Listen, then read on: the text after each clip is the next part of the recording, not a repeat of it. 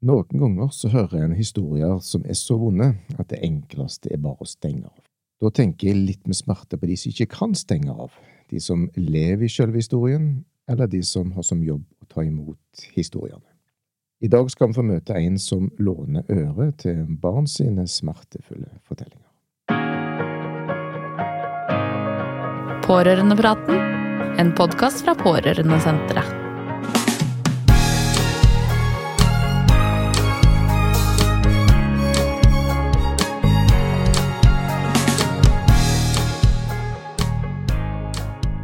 Og de to som sitter i studio, skal få lov å førstelytte til, til denne stemmen. Det er meg, Wilhelm Viksøy, eh, ansatt ved Pårørendesenteret. Og det er jeg, Anne Kristine Bergen. Hei. Hei, hei. Fagansvarlig og psykiater. Det, du har en lang tittel. Ja, ja. Vi har en serie med podkastepisoder om tematikken vold i de nære relasjoner.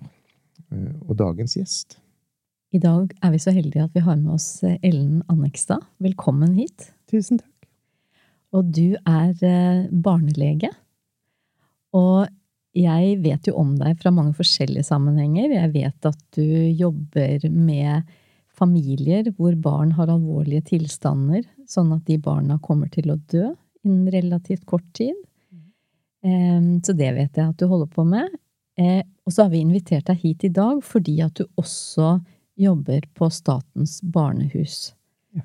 Ja, og da kunne jeg godt tenke meg at du starter med å fortelle litt om hva det er, for det har ikke funtes i Norge liksom i all evighet. Det er noen år siden det kom. Hva er, hva er et barnehus? Ja, Statens barnehus eh, ble opprettet eh, som et samarbeidsprosjekt mellom eh, Barne- og familiedepartementet, eh, Helsedepartementet og Justisdepartementet. Um, Og tanken var at barn som er utsatt for krenkelser, dvs. Si vold og overgrep, eh, skulle få slippe å komme eller å reise til mange ulike steder. Sitte på venterom og korridorer på politihuset i påvente av avhør, og så reise på sykehuset for undersøkelser, og så reise til eh, barne- og ungdomspsykiatrisk for vurdering der, eh, og så eh, snakke med barnevernet. Men at eh, vi heller skulle komme til et sted hvor barna kunne føle seg trygge og ivaretatt, og som er bygget opp på barnas premisser. Um, så nå finnes det totalt elleve barnehus i Norge. Um, og det jeg jobber ved, det ligger i Moss. Det er det nyeste. Vi åpnet i desember 2016. Um, så når en eh, sak blir politianmeldt, eh, og det er mistanke om at et barn eh, har vært utsatt for vold eller overgrep Det inkluderer også barn som er vitne til vold hjemme, mellom foreldre eller mot søsken. Um, så, så um, starter politiet en etterforskning, og som ledd i den etterforskningen så blir barna eh, tatt med til barnehuset for eh, tilrettelagt avhør. Da avhøres de av spesialtrente politifolk som er eh, veldig dyktige til å snakke med barna på en trygg og god måte. Um, og gi barna mulighet til å fortelle historien sin i den graden de klarer det selv.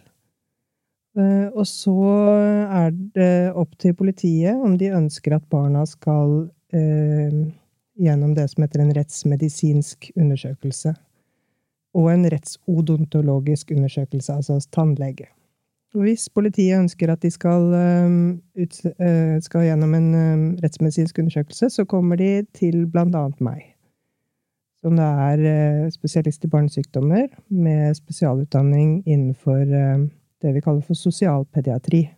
Som er læren om eh, barnas oppvekstvilkår. Altså vold, overgrep og, og omsorgssvikt. Um, da gjør jeg en Først så snakker jeg med barna. Så bruker vi mye tid på, at, på å gjøre dem trygge. Eh, Det er veldig viktig for oss at eh, Når jeg sier oss, så er det meg og, og sykepleier, da. Eh, at barna skal få gjøre det de er komfortable med. Samarbeid er kjempeviktig. Vi skal ikke være enda en instans som tvinger dem til ting de ikke vil. Stort sett så går det veldig, veldig bra.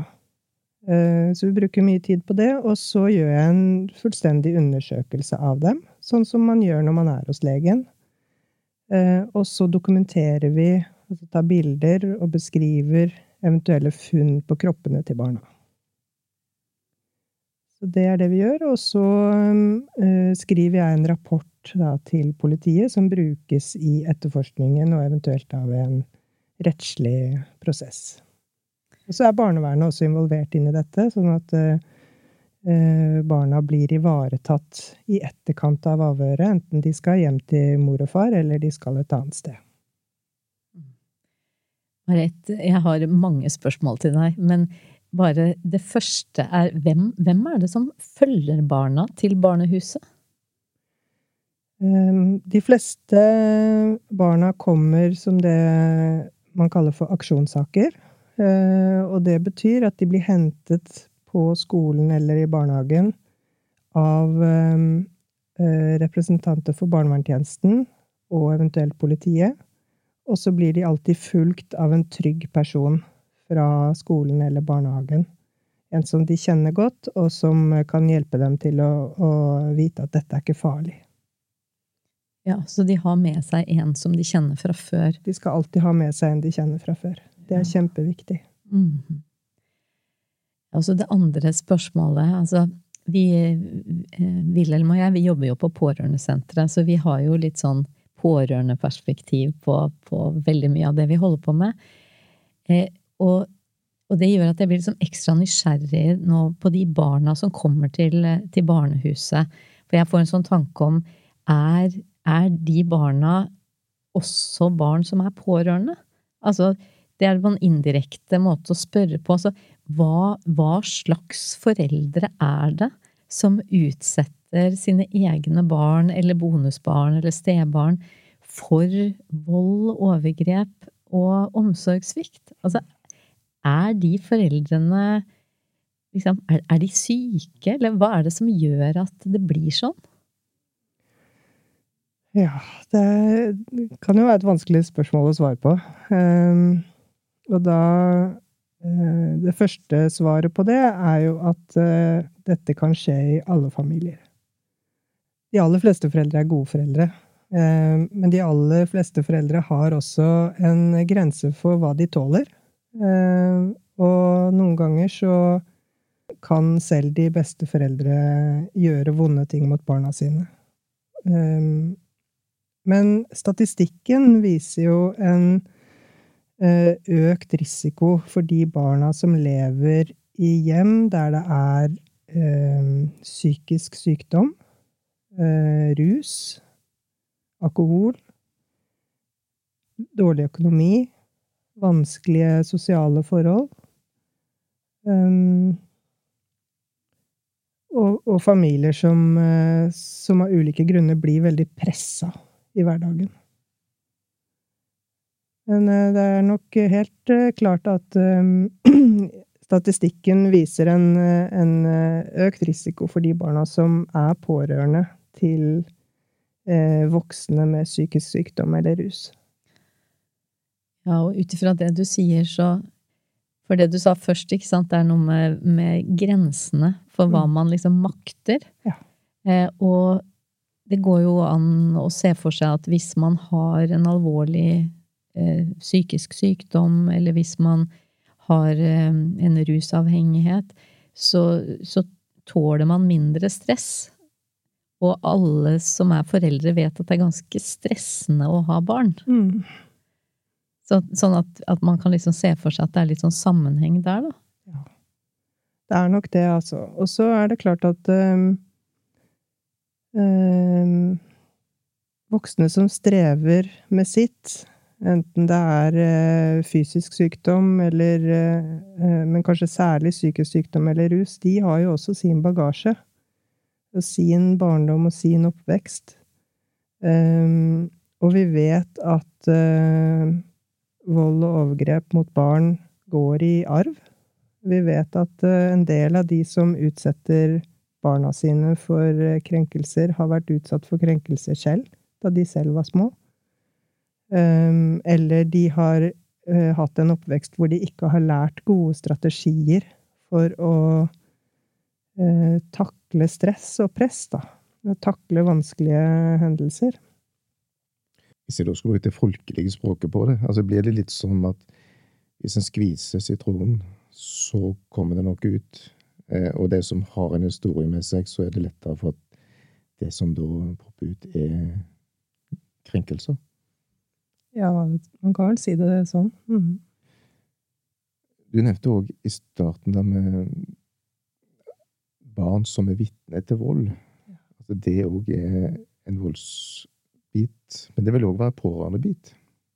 Altså den barnet som opplever foreldre som, som slår hverandre, vil jo òg være pårørende. Ja. Da får han en dobbeltrolle. Ja.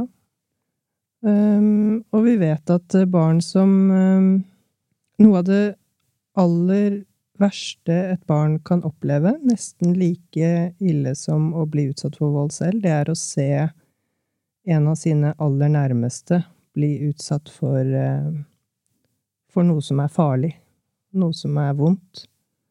Um, sånn at for et barn å være vitne til at mamma eller pappa eh, blir slått eller utsatt for overgrep, um, er veldig skadelig for barnet. Og da er, som du sier, barnet både en pårørende, men også en fornærmet selv. Ja, og det er, det er jo noe med den maktesløsheten òg. Vi mm. vet jo at barn av og til prøver å gå imellom, for de mm. vil egentlig heller eh, oppleve det sjøl, og prøver å, å, da skåne den forelderen som blir voldsutsatt. Barna er så prisgitt eh, oss som voksne, og behovet for beskyttelse og behovet for trygghet er så sterkt i dem. Um, sånn at når, når uh, den som skal gi dem tryggheten, er truet, så er det en uh, enorm trussel også for barnet. Ja, og det er jo ingen tvil om at både det å bli utsatt for vold og være vitne til vold altså det, Vi vet mye om hvor helseskadelig det er. Eh, både for den, den fysiske og den psykiske helsa. Altså det går jo ikke an å skille, egentlig, mellom fysisk og psykisk helse. Det henger igjen litt fremdeles, men, men det er skadelig. Veldig eh, skadelig. Eh, veldig helseskadelig. Eh, men Rett og slett på, på sykdommer?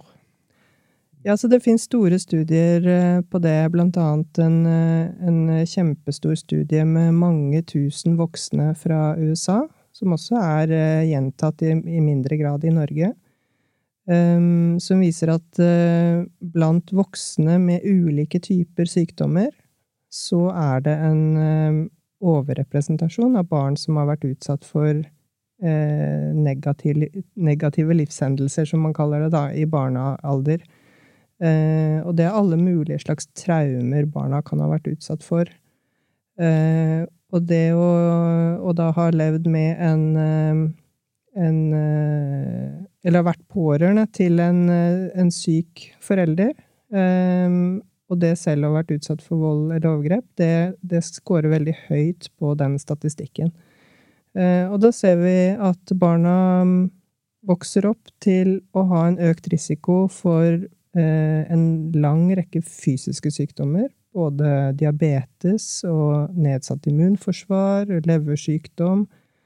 Eh, de har også en økt risiko for eh, det vi kaller for livsstilssykdommer.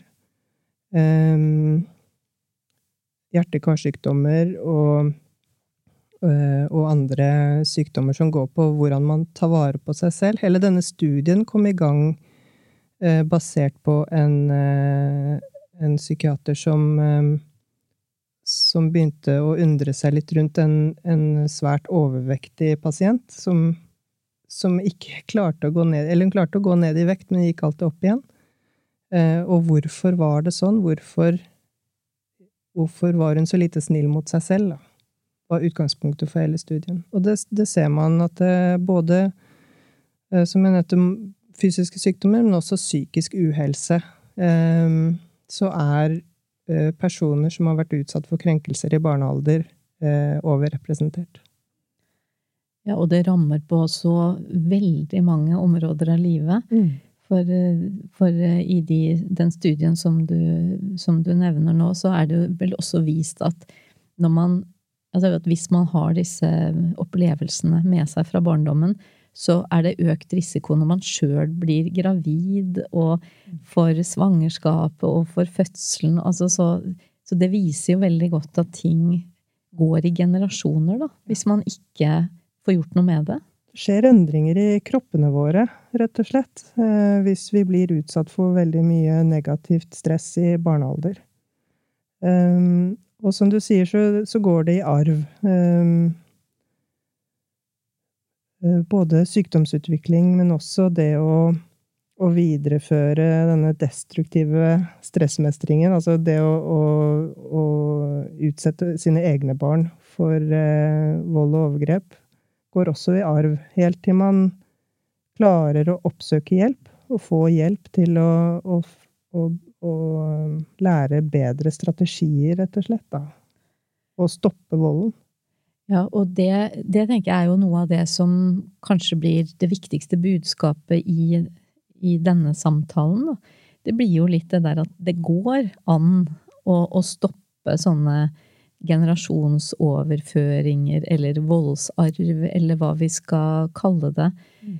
Eh, så og, det, det, har jo sikkert du også møtt, og, og vi møter jo altså, unge voksne som kanskje har hatt en, en oppvekst som har vært prega av vold og overgrep eller omsorgssvikt.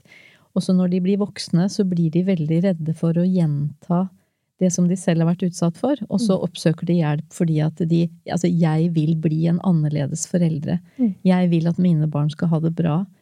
Og da, da går det an å få hjelp. Det gjør det. Absolutt.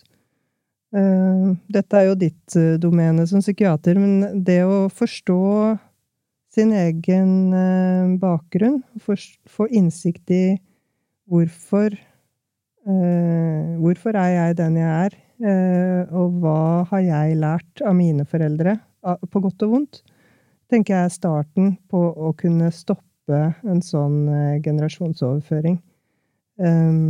Og da kan man lære nye strategier så lenge man først og fremst får en innsikt i hvorfor ting er som de er, da. Og det kan man virkelig få hjelp med um, mange steder. Uh, og det er også um, mulig for um, Altså, man kan oppsøke det psykiske helsevesenet, men man kan også uh, søke hjelp fra barnevernet. Eh, det er mange som er redde for barnevernet og, og veldig engstelige for at uh, hvis jeg ber om hjelp, så blir jeg fratatt barnet mitt. Men det er jo ikke sånn. De all, det aller viktigste jobben barnevernet gjør, er å veilede foreldre. Komme med hjelpetiltak i hjemmet for å både minske presset, kanskje hjelpe til med barnehageplass eller avlastning eller økonomisk bistand, sånn at, uh, at hverdagen kan bli litt enklere. Um, og, å veilede foreldre i, i, god foreldremestring, da.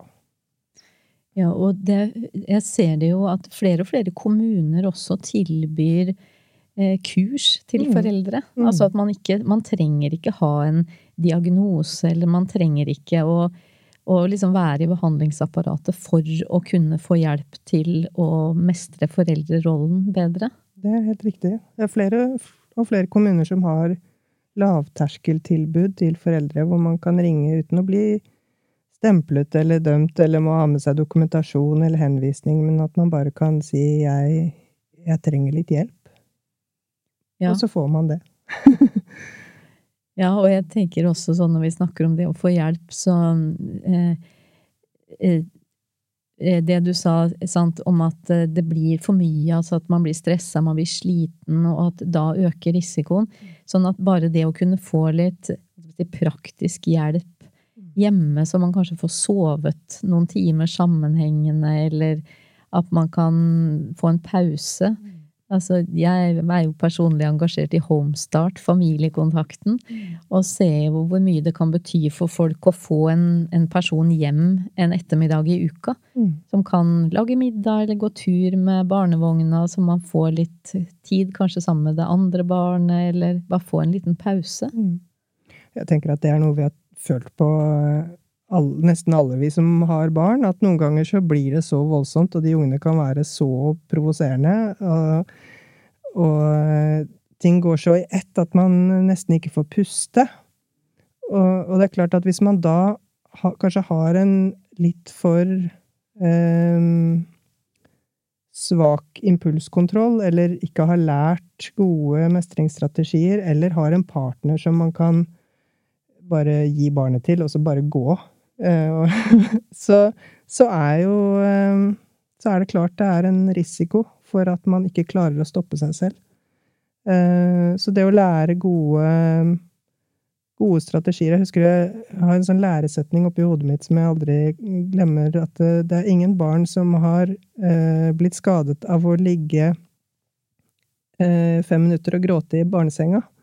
At man må heller da legge fra seg barnet og gå ut og puste og komme tilbake igjen, i stedet for å prøve fysisk å stoppe barnet fra å gråte. Um, ja, og tilsvarende med, med større barn, at, da, at, man må lære seg gode måter å, å få det pusterommet på, da. Um, og gjerne alliere seg med, med, personer som kan uh, komme og gripe inn hvis man kjenner at nå er det like før jeg mister kontrollen. Mm. Hvis man er klar over uh, den uh, tendensen hos seg selv, og det, det, blir jo da igjen første skritt, å, å, bli kjent med seg selv. Å bli kjent med sine uh, svakheter uten å føle skam over dem. Ja, og jeg har jo tenkt på det nå. Nå skal man jo spørre alle gravide om de opplever vold. Mm. Og, og, minst én samtale hos jordmor skal skje uten partner. Altså for å øke sjansen for at man kan få fortalt om det. Men jeg skulle ønske at det ble rutine å spørre også gravide, eller altså par eller enslige som skal ha barn, om deres egne måte, barndomsopplevelser. Fordi at det som du sier, det krever jo en, en bevissthet og, og, hvis man har levd med mye vondt og vanskelig, så kan man jo til og med ha en tanke om at det er normalt. Mm. Fordi at det var det som var vanlig. Men hvis man hadde hatt, hvis man hadde kommet tidlig til og kunne hatt en sånn prat hva, hva, har du lyst til å gjøre på samme måten som dine foreldre? Hva kunne du tenke deg å gjøre annerledes? Altså, har du, har du erfaringer som, eh, som, har vært med på å prege deg? Altså, hvis man hadde fått det opp som en litt sånn vanlig, et vanlig samtaleemne. Hva, hva tenker du om det? Det hørtes ut som en veldig god idé. veldig Jeg tenker at det ville vært veldig konstruktivt. Eh, eh, det skal jo ikke veldig mye til å bli gravid. Eh, og vi bærer med oss barndommen vår alle sammen. På godt og vondt.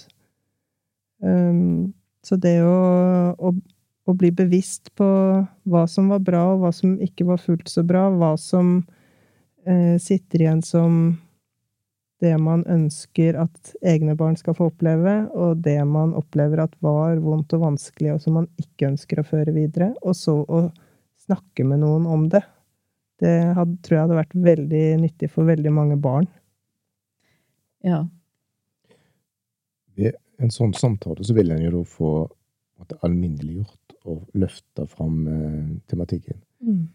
Ville det blitt færre barn til deg på barnehuset òg? Eller Kanskje. ville de vært der uansett? Ja, det er vanskelig å svare på. Men eh, vi må jo håpe at eh, det å snakke om ting, det å bli bevisst på ting, det å Ehm, deg seg gode strategier og det å vite hvor man kan få hjelp, at det totalt sett um, ville kunne gjøre at færre barn blir utsatt. Vi, vi kan vel kanskje være si, litt sånn forsiktig optimistiske, fordi at det er jo ikke så mange generasjoner siden at, at, man på en måte trodde at det ikke var farlig eller skadelig å slå barn. At det var en, liksom en nødvendig del av oppdragelsen. Og da det ja, Det er ikke så mange år siden hvor man begynte å snakke om at nei, det skal man ikke gjøre. Og etter det så har jo de fleste har jo, tenker jeg, som kanskje trodde det var greit å gi litt ris på rumpa, som de fleste har vel slutta med det. Så, så kunnskap jeg velger i hvert fall å liksom klamre meg til at måtte, mer kunnskap og økt bevisstgjøring sammen med da hjelpe og støtte og veiledningstilbud, at det, at, at det nytter. Ja, vi må jo ha det som utgangspunkt. Ellers så blir det veldig fælt å jobbe med det vi gjør. Um, jeg er optimist i forhold til det du sier, og, og jeg er også optimist eh, fordi det har blitt lettere Det har blitt mange flere arenaer for barna å få informasjon. Eh, og, og få ja, lære hva som er greit, og hva som ikke er greit. Og også få lære hvor de kan søke hjelp, sånn at vi kan få stoppet volden på et tidligere tidspunkt enn før. Jeg er litt opptatt av at det også Det gjelder jo ikke bare fysisk vold eller seksuelle overgrep. Det gjelder jo også psykisk vold. Barn som vokser opp med å få høre at ikke de er bra nok, eller at de er eh, blir kalt stygge ting, eller eh, ikke får dekket sine primære behov da, for mat og søvn og rammer og rent tøy og Ehm, et sosialt liv. Um, så det må også inngå i en sånn opplæringspakke for vordende foreldre, og også for barn som eh, står midt oppi det. Og at de får hjelp til å vite hvem de kan snakke med, og at de som får høre barnas historie, vet hvordan de skal håndtere det. Men du som har møtt veldig mange barn som, som kommer da til barnehuset fordi at det foreligger en, en, mistanke om at de har vært utsatt for noe. Liksom, hva, hvordan, hvordan, ser man, eller hva, hva, ser man hos barn som har eh, sånne erfaringer? Først er det viktig å si at uh, de fleste barn er veldig lojale mot foreldrene sine. Og veldig glad i foreldrene sine. Eh, og de ønsker ikke at familien skal gå i oppløsning.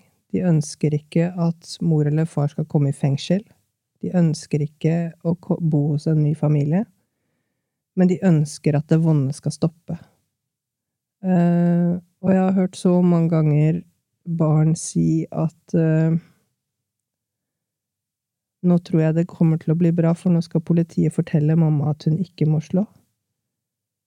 Um, det er det barna ønsker seg. Uh, og ut, så er det hva, man kan se, litt avhengig av hvor gamle barna er, hvor modne de er, hva slags situasjon det er de har stått i. Um, de blir eh, ofte veldig beskyttende. Eh, de eh, blir veldig vare for stemninger og stemmer og eh, kroppsspråk.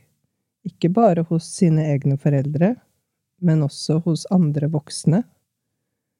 Um, de kan være enten uh, veldig avstengt og avvisende til andre voksne. Uh, gå mye for seg selv. Kanskje streve med å få til et godt samspill med andre barn. Noen av dem blir veldig utagerende, fordi de har så mye sinne i seg, og har ikke lært gode strategier for konflikthåndtering hjemme. Um, noen kan komme med drypp som vi voksne må prøve å fange opp. Små uttalelser som uh, eh, som kan gi oss et hint om hva som Eller at ikke alt er bra hjemme, da.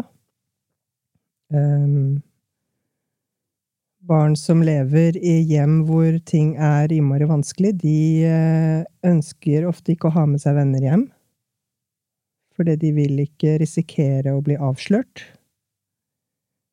Um, så er det disse fysiske tingene som vi kan se etter, med uh, manglende hygiene, manglende stell, at de ikke har med seg matpakke, uh, selvfølgelig synlige blåmerker, skader, uh, som er kanskje det for, for, mange voksne letteste å gripe tak i, fordi det er litt håndgripelig. Uh, barn har mange måter å fortelle på, uh, og, uh, men det kan være veldig vanskelig for oss voksne å forstå språket deres når de prøver å fortelle om at de trenger hjelp. Mm. Alle barn er jo i kontakt med voksne, stort sett. Mm. Enten det er i barnehage eller etter hvert da på skole de er hos tannlege, de er eh, på helsestasjon, eh, og kanskje i helsevesenet. Altså, hva, hva, tenker du at voksne skal være oppmerksom på? Eh, så, så, og da blir jo det på en måte overfor alle barn, da. Altså, mm. hva, hva, skal man Hva er det man skal legge merke til? Hva skal man se etter? Det blir jo mange av de tingene som jeg nevnte nå. Eh, barn som kommer inn med gjentatte skader, eller som, som har gjentatte skader som det enten ikke finnes noen veldig god forklaring på, eller at forklaringen ikke passer med den skaden barnet har. Barn som har eh, dårlig tannstell og dårlig hygiene. Som sagt, vi, hvis vi kler av barnet for å undersøke, og barnet er generelt dårlig stelt um, Det er, litt vanskelig å svare konkret på det du spør om, eh, men det er eh, Jeg tenker at i utgangspunktet det å være undrende til hvem er det lille mennesket jeg har foran meg nå, og hvordan Hva slags verden lever dette mennesket i? Eh, så vil man kunne danne seg et bilde i mye større grad enn hvis man bare ser en brukket arm eller en, et blåmerke eller en skitten bleie. Ehm, at man må prøve å se hele barnet, da, og, og, se også de som følger barnet. For det er jo voksne som henter og bringer, og, og det er voksne som er med på konsultasjoner på sykehuset og hos tannlegen, og at man må prøve å danne seg et, ehm, et helt bilde av hvem er dette mennesket jeg har foran meg, og, og hva slags verden lever dette barnet i. Det blir jo veldig diffust ofte. Eh, og veldig vanskelig å gripe tak i, eh, så lenge man ikke får noen helt sånne konkrete knagger, som et, eh, et brudd som ikke har noen god forklaring, for eksempel. Kan jeg spørre et barn direkte, eller er det ting jeg skal være forsiktig med å spørre om? man kan ha som en sånn hovedregel at du kan alltid spørre et barn. du kan det er ikke mye du kan gjøre galt ved å spørre et barn. Men hvis du spør et barn som du ikke kjenner så godt, så vil du sannsynligvis ikke få et sant svar. Kanskje må du spørre tre og fire og fem og ti ganger før du får et sant svar. Fordi barnet må være trygg på at du er en voksen som det er trygt å fortelle til, eh, og som vil reagere på riktig måte og som vet hva du skal gjøre. Det er vel sånn at eh, barn som har vært utsatt for seksuelle overgrep, de venter i gjennomsnitt 13 år med å fortelle om overgrepet. Og gjennomgående det de har som grunn når de ikke har fortalt, er at det var ingen som spurte. Men å stille åpne spørsmål, undre seg sammen med barnet Jeg syns det ser ut som du er litt lei deg nå. Er det noe du har lyst til å snakke om? Um, jeg lurer litt på hvordan har du det hjemme? Um, jeg lurer på hvordan du fikk det blåmerket der. Kan du fortelle meg hva som skjedde? Stille åpne, undrende spørsmål. Uh, og også gjøre det tydelig for barnet og, og, da kan man bare si det rett ut, at jeg er en sånn voksen som det er trygt å fortelle til. Jeg er en sånn voksen som tåler å høre. Det er de veldig vare på, mange av disse barna. Eh, de har opplevd mange ganger voksne som lukker ørene eller begynner å snakke om noe annet, eller legger hodet på skakke og syns veldig synd på, og så skjer det ikke noe mer. Men at du gjør tydelig for barna at, at jeg er en trygg voksen å snakke med. Jeg tåler det du har å fortelle, og jeg vet hva jeg kan gjøre hvis du forteller meg noe som, eh, som vi må bringe videre. Og da har han jo åpna ei dør. Da har man åpnet en dør. Og den kan han ikke lukke igjen. Nei. Hva, hva gjør jeg da? Da, da må du nesten eh, vente på at barnet går gjennom den døråpningen og forteller deg. Og når han har fortalt? Eller hun har fortalt? Så må du Så er du nødt til å bringe saken videre. Og da enten til barnevernet eller til politiet, hvis det er en uh, klar politisak. Jeg, ringer ikke direkte til deg i barnehuset? Nei, det gjør du ikke. Så det er litt å vurdere alvorlighetsgraden i det som kommer? Ja, og du kan alltid ringe som uh, legperson, da, eller som en som ikke jobber i helsevesenet, så kan du alltid ringe anonymt til barnevernstjenesten og drøfte en bekymring du har. Og så vil barnevernstjenesten kunne hjelpe deg med å, å vurdere om dette er noe du skal melde bekymring på eller ikke. Hvordan, hvordan barnevernet jobber, det skal vi snakke mer om i en annen episode, vi skal få grundig innføring i det òg. Men da er vi på et nivå der en har invitert inn og fått ei åpen dør. Mm. Men hvis jeg som nabo eller klasseforelder eller familievenn for den del ser at det, det er noe her som skurrer Altså, lenge før jeg har spurt barnet og fått en åpning. Altså, hva kan jeg gjøre da? Eller hva skal jeg gjøre, og hva kan jeg gjøre? Den der eh, magefølelsen som er Mm. Um, Er det samme vei? På mange måter er det jo det. Eh, Du må på en måte prøve å skape en allianse med det barnet. Kanskje også med familien. Eh, Hvis du er en familievenn, at du kan eh, Litt avhengig av hva slags forhold dere har. Men eh, det er lov å si at eh, jeg ser at dere har det litt tøft for tiden. Er det noe jeg kan hjelpe med? Eh, Klassekamerater, er, er ofte vanskelig. Fordi man er så redd for liksom, hva skjer da med mitt eget barn, og vil ikke lage noe konflikt. Og i praksis så, så viser det seg at mange syns det er veldig vanskelig. Men å invitere det barnet hjem, vise at øh, sånn har vi det her, gi det barnet et, øh, et, øh, rom hvor det går an å puste og være normal, og, og se hvordan et vanlig, en vanlig familie lever. Eh, og samtidig bygge en relasjon som forhåpentligvis på et eller annet tidspunkt gjør at barnet opplever deg som en trygg voksen å snakke med. Eh, det går også an å snakke med læreren. Eh, for det kan hende at det er andre foreldre som også har vært bekymret, og som også har snakket med læreren.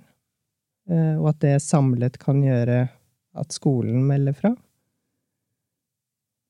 Det er vanskelig å gi noen fasit på hva du skal gjøre, men, men jeg tenker at det, det verste du kan gjøre, er å ikke lytte til den magefølelsen din. For den er ofte riktig. Og fagrådgiver Anne Kristine, du er enig? Ja, jeg satt her og nikka. Ja, jeg. Og, og jeg tenker også det at uh, mye av det vi har snakka om nå, handler jo, jo om, å, om å gi barn trua på at det går an å få hjelp.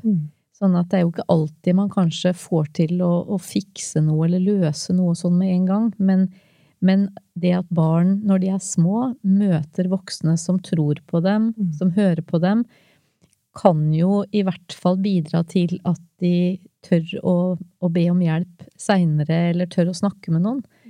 For, for jeg tenker at det er sånn Det med tillit er en litt sånn skjør ting. Sånn at, eh, sånn at kanskje har det en verdi i seg selv også. At om, om du ikke kan løse en situasjon, og kanskje er ikke det barnet utsettes for på en måte alvorlig nok til en omsorgsovertagelse, men det betyr jo ikke at det ikke er viktig å ha trygge naboer eller foreldre til klassekamerater som er trygge og gode, hvor man kan få en pause eller få en opplevelse av at livet kan faktisk bli annerledes. Mm. Det er veldig sant. Vi kunne snakka lenge. Eh, Det er et stort tema. Eh, Men eh, til måltid er til måltid. Vi vi er helt på oppløpet. Bare spør helt til slutt, eh, Ellen. Som ansatt ved barnehuset, du får mange historier. Dere blir en form for pårørende, dere òg? Ja, vi gjør jo det. Eh, man glemmer ikke vonde historier som et lite barn har fortalt. Det er veldig Det veldig, gjør veldig inntrykk eh, å høre barn fortelle hva de har vært utsatt for. Og vi Jeg klarer i hvert fall ikke å lukke døren til kontoret og gå hjem og så aldri tenke på det mer. Bærer, vi bærer det med oss, og da er det viktig at vi eh, At vi også har støtteapparat som, eh, som vi kan snakke med. Um, og det er vi heldigvis eh, flinke til. Så det blir aldri rutine. Det blir aldri rutine. Og motivasjonen er å, å vite at for noen av disse barna så klarer vi å eller jeg, klarer jeg å bidra til at livet blir bedre, og at denne, denne generasjonsarven eh, arven stopper. Ellen Anniksdal, takk for at du var med oss. Og med disse minuttene, Anne Kristine, så håper jeg at vi har kanskje bidratt litt òg til at den generasjonsoverføringen kan stoppe litt opp. At vi kan løfte en tematikk opp og gjøre at dette blir litt mindre farlig om noe som er veldig farlig. Ja, og vi kan si til alle som lytter eh, til denne episoden, at det er hjelp å få. Så, så be om hjelp. Og om ikke annet så kan dere ta en telefon til oss, så skal vi, skal vi se om vi kan hjelpe dere videre. Du har hørt Pårørendepraten, en podkast fra Pårørendesenteret. Du finner flere episoder og ressurser på hjemmesidene våre pårørendesenteret.no, pårørendeprogrammet.no og ungepårørende.no. Podkasten finner du også på de fleste steder der du lytter til podkaster.